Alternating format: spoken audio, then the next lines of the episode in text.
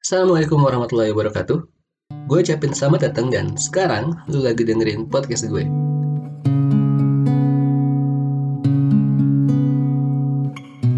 Tahu nggak sih?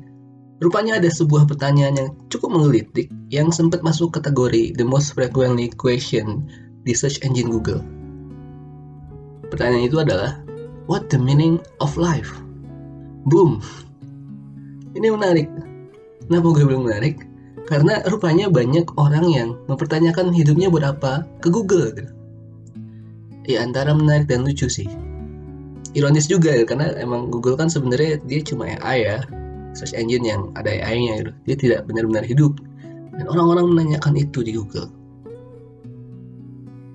Oke, jadi di podcast ini dari fakta tersebut kita coba bakal uh, sedikit banyaknya ngobrol tentang sebenarnya apa sih tujuan hidup kita sebagai manusia gitu ya. Dari sudut pandang seorang hamba, seorang muslim gitu. Karena ini penting. Kenapa? Analoginya gini deh. Ada orang naik motor. Itu kan beda ya antara yang tahu dia bakal mau ke mana sama yang ya udah naik motor aja gitu. Orang yang tahu dia bakal ke mana, mau ke mana, tujuan dia itu apa, jadi dia bisa milih jalan yang paling cepet, jalan yang paling efektif gitu. Karena dia tahu finishnya mau di mana. Nah kalau yang nggak tahu tujuannya mungkin sekedar jalan-jalan sore atau misalkan menikmati waktu yang berlalu dan celah ya udah asal ngegas aja gitu. Sampai akhirnya dia bosan. Cuma masalahnya hidup tidak sebercanda naik motor gitu. gitu kan? Ya motor kalau bensin habis bisa isi ulang. Umur kagak gitu. Habis udah bisa diisi ulang. Mau beli di counter mana agak ada SPBU nya bos gitu. Makanya menjadi menarik untuk kita bahas tujuan hidup kita sebagai manusia itu apa sih? Dari sudut pandang seorang muslim gitu, gitu ya. Tapi sebelum ke sana gue mau coba bahas sesuatu yang lain terlebih dahulu yang kita harus sepakati gitu. Supaya pembahasan kita tentang tujuan hidup ini bakal lebih gampang. Apa itu? Kita harus sepakat tentang bagaimana akhirnya kita bisa uh, eksis di dunia itu itu harus kita sepakati dulu supaya kita bisa gampang nentuin framework pembahasan kita oke okay, kenapa kita ada di dunia gimana caranya ya uh, naturally ada orang tua kita yang kemudian bertemu saling tatap kemudian tertarik sabi nih gitu. datang ke kakek kita kemudian eh kita bilang saya mau melamar anak bapak gitu. dan terjadilah pernikahan dan akhirnya muncullah kita gitu. Itu kan naturalnya cuma kalau misalkan kita pengen bicara masalah yang lebih dalam deep banget sebenarnya originnya manusia ini gimana sih? Apa aja evolusi? Nah kalau gue bahas tentang ini biasanya gue analogiin buku sih. Buku. Iya. Jadi taruhlah ada sebuah buku ya. Entah apa pun bukunya. Buku sejarah kayak buku majalah Nat Geo terserah apa pun. Ada di depan lu bukunya nih yang harus kita pertanyakan sekarang adalah mungkin gak sih buku itu tiba-tiba muncul di depan kita? Enggak dong jawabannya adalah enggak gitu. Jadi sebuah hal yang absurd kalau misalnya kita yakin oh bukunya tiba-tiba ada. Karena pasti ada orang yang harus bikin kontennya ada orang yang harus bikin layoutnya ada yang harus nge-proofing ini tipu apa enggak ini udah bener apa enggak kalimatnya ada orang yang harus bikin ilustrasinya ada yang bikin covernya dan kalau misalkan buku itu dijual di online shop berarti harus ada orang yang ngejualnya nge-upload gambarnya ada orang yang ngedeliver itu ke kita ada pak pos atau mungkin bapak paket gitu gitu kan ya sampai akhirnya buku itu di tangan kita dan siap untuk kita baca jadi banyak banget tuh rantainya tuh yang jadi sebab buku itu nyampe di meja kita. Nah buku ini itu kan susunannya ada ya kayak misalnya buku itu terdiri dari beberapa bab. Bab mungkin beberapa paragraf atau mungkin ada subbab lain kan. Terus sampai lebih kecil ujungnya itu huruf dan susunan dari huruf-huruf yang banyak banget. Kalau misalkan buku ini tipe satu dua huruf, it's okay, mesti jadi buku yang semestinya, maksudnya ya buku sejarah gitu. Tipe satu dua huruf. Ya kan nggak langsung jadi buku ekonomi. Jadi buku manga gimana cerita ya enggak enggak gitu. Jadi satu dua huruf tipe itu masih ya bisa toleransi lah gitu. nah manusia bisa dianalogikan dengan buku. Ya mirip-mirip lah gitu. misalnya manusia itu dia berdasarkan buku berarti buku ini kalau dia punya bab sebagai penyusunnya manusia mungkin punya organ kan. Organ tangan jantung pencernaan dan lain-lain. Nah, terus si organ ini disusun juga jaringan tertentu yang khusus untuk membuild si organ tersebut gitu kan sampai turun ke lebih kecil yang ujungnya sampai di sel dan DNA kan. Masalahnya kalau tadi buku itu tipe 1 2 huruf itu oke okay, masih jadi buku yang semestinya lah kalau manusia DNA-nya salah satu dua kromosom udah jadi gorila sob. Entah entah gorila entah simpanse. Ya pokoknya bukan manusia lah gitu. Satu dua kromosom miss gitu artinya apa? Artinya kalau misalkan buku yang sederhana itu ya nggak sederhana sih tidak mudah bikin buku ya lebih sederhana daripada manusia itu harus ada sebabnya dia datang ke depan mata kita. Apalagi manusia yang kompleks apalagi manusia yang serumit itu pasti ada sesuatu yang men-trigger dia untuk tercipta. Kayak gitu kan logikanya. Apalagi tadi buku itu salah satu dua huruf ya is oke okay lah. Manusia ini presisinya tinggi banget gitu. Mis satu dua kromosom ya fail jadi manusia. Makanya kita butuh sesuatu yang ultimate banget nih. Sebuah intelijensi yang bener-bener luar biasa yang bisa menghadirkan manusia. Lu gua ibu kita kak kita guru kita dosen kita bos kita ya jadi apa yang sekarang ada. Nah intelijensi ini yang kita yakini itu jadi inisiator kita ada di bumi ini yang kita sebut kemudian jadi Tuhan dan sebagai seorang muslim yang gue yakini dia adalah Allah subhanahu wa ta'ala. Kayak gitu itu yang kita sepakati. Kalau ini nggak sepakat wah susah sih gitu. Kita bahas tujuan hidup ke depannya. Oke okay, gue asumsiin semuanya sepakat tentang ini. Selanjutnya tentang tujuan hidup. Nih coba lu lihat sekeliling dah. Kan ada ya kalau di sini gue ada lampu ada meja ada kacamata ada buku dan lain-lain itu kan yang bikin manusia ya ya tangan manusia gitu. Dan ketika kita bikin itu manusia bikin itu dia pasti punya purpose dong punya sesuatu yang pengen dicapai dari benda yang dibuat. Lampu buat menerangi menerangi ruangan tidak untuk menerangi hati yang gelap. Apa sih? Ya kacamata untuk membantu penglihatan lu dengan rabun-rabun yang mungkin silindris dan lain-lain ya. Ada ada meja ada buku semuanya punya purpose. Punya tujuan kenapa dia dibikin kita sebagai penciptanya ya tadi kita tahu betul karena kita yang bikin si kacamata ini buat apa kita tahu betul.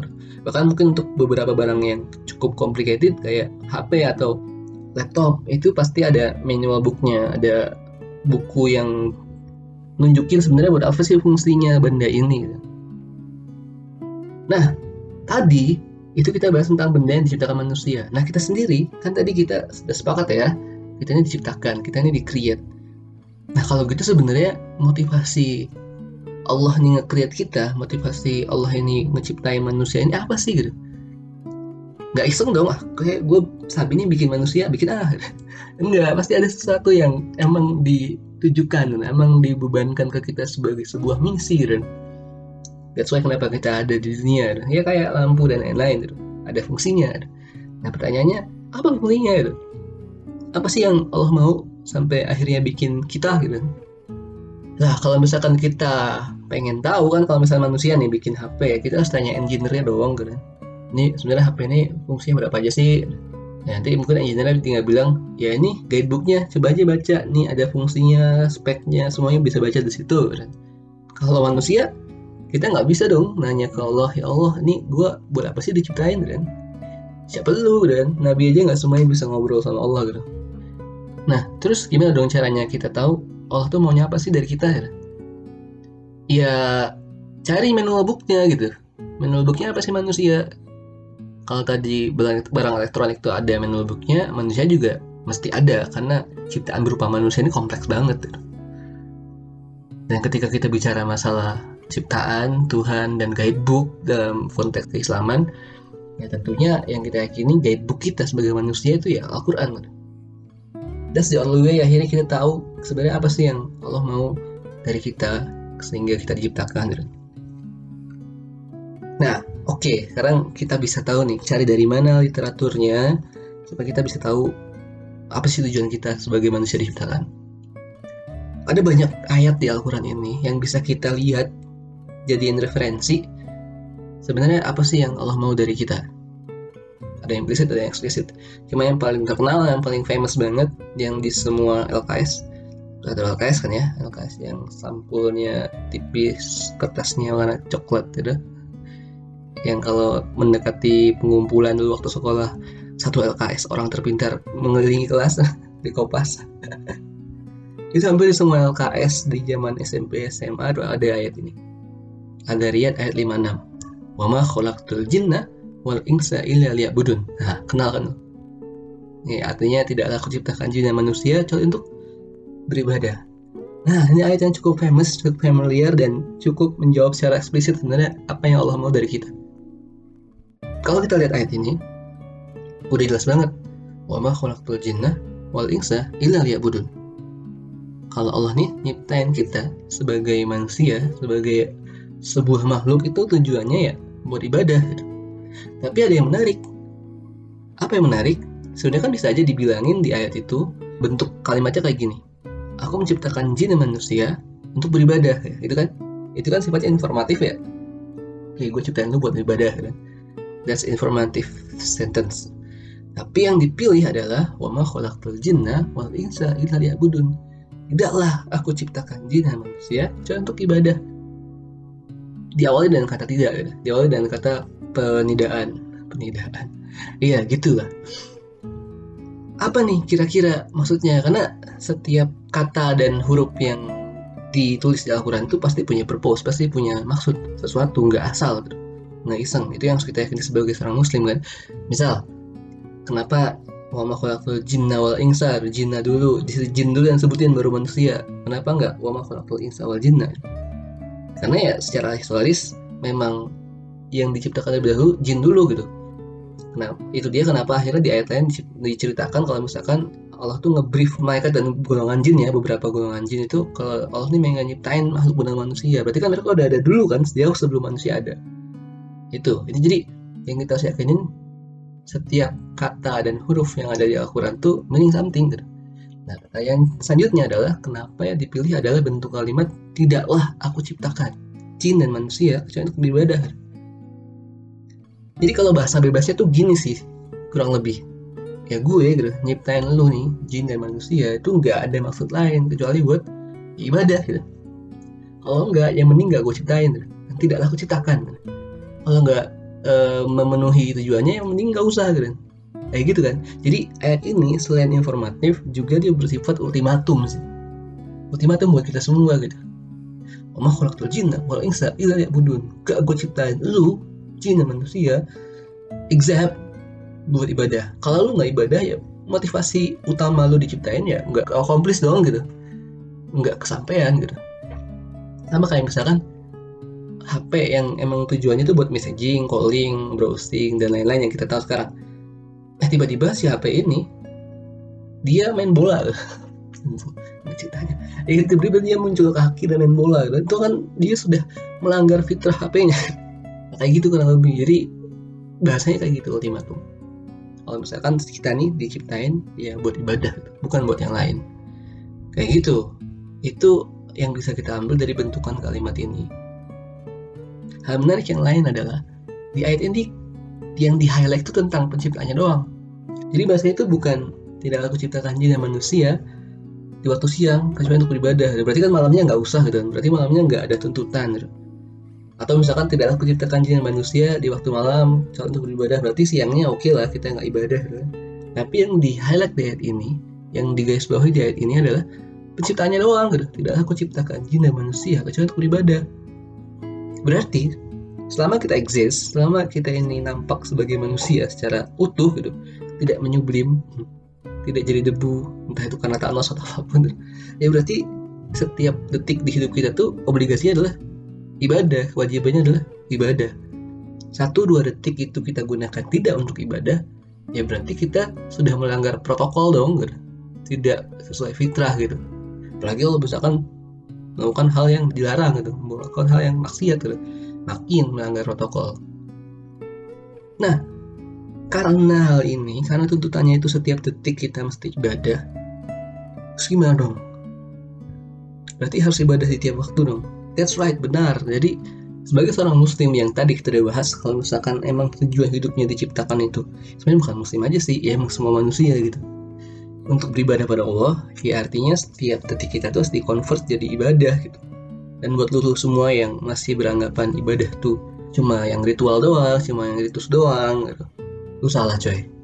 Di Islam ibadah itu nggak cuma zakat, sholat, haji, enggak semua hal yang pada dasarnya baik dan lu niatkan karena Allah itu bisa jadi ibadah gitu.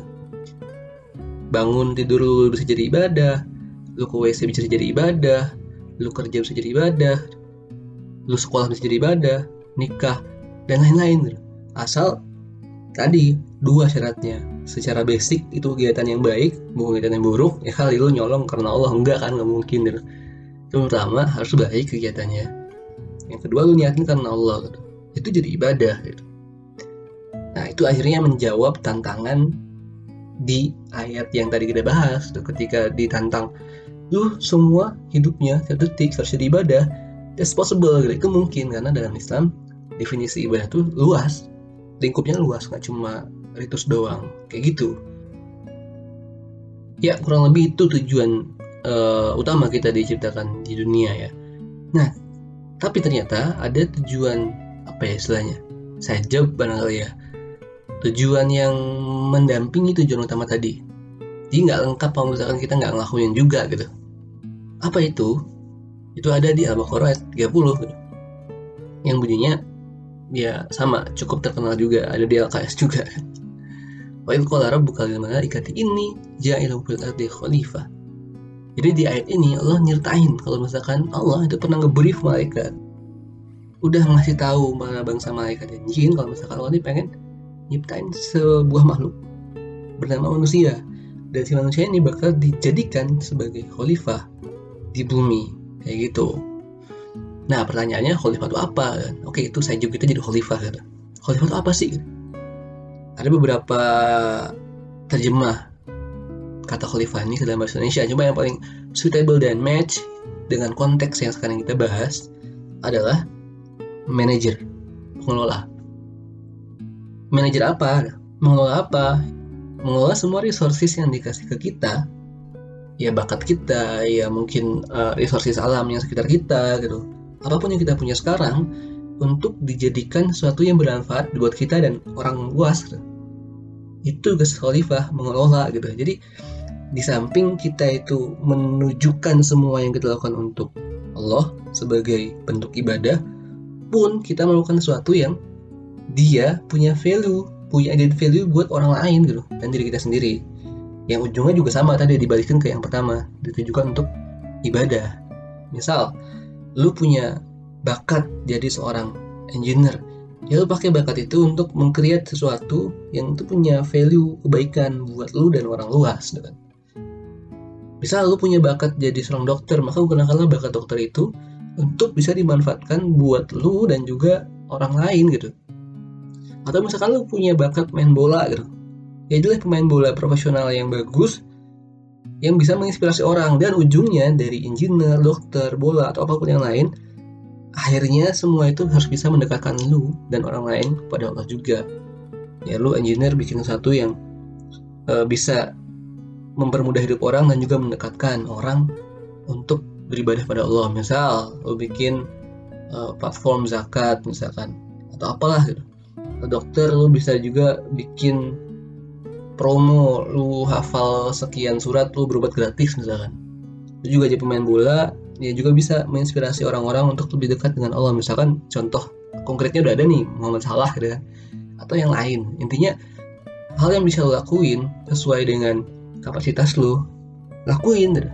Dan tujuan akhirnya adalah untuk mendekatkan kita sendiri dan juga orang lain pada Allah. Kayak gitu jadi itu dua tujuan fundamental kita ciptakan dari ya. Pertama kita emang basically seorang hamba gitu ya menghamba dengan apa yang bisa kita lakukan entah dengan ritual dan juga kebiasaan baik lainnya yang ditujukan karena Allah. Yang kedua ya gimana caranya kita hidup ini memanfaatkan semua resources yang ada sehingga bisa dikonvert jadi manfaat buat diri kita dan seluas-luasnya orang. Nah dari dua tujuan tadi akhirnya kita bisa gampang tuh kan nge-arrange tujuan kita ke depannya gitu. Maksudnya ya akhirnya kita bisa untuk wah berarti gue mau ke sini nih. Gue mau beribadah dengan selain ibadah ritual gue mau beribadah dengan cara gue jadi seorang engineer yang handal dan bisa membuat produk-produk yang bermanfaat buat umat dan juga bisa mendekatkan mereka kepada Allah. Misalnya. atau ah gue bisa nulis nulis buku ya udah gue mau jadi penulis aja.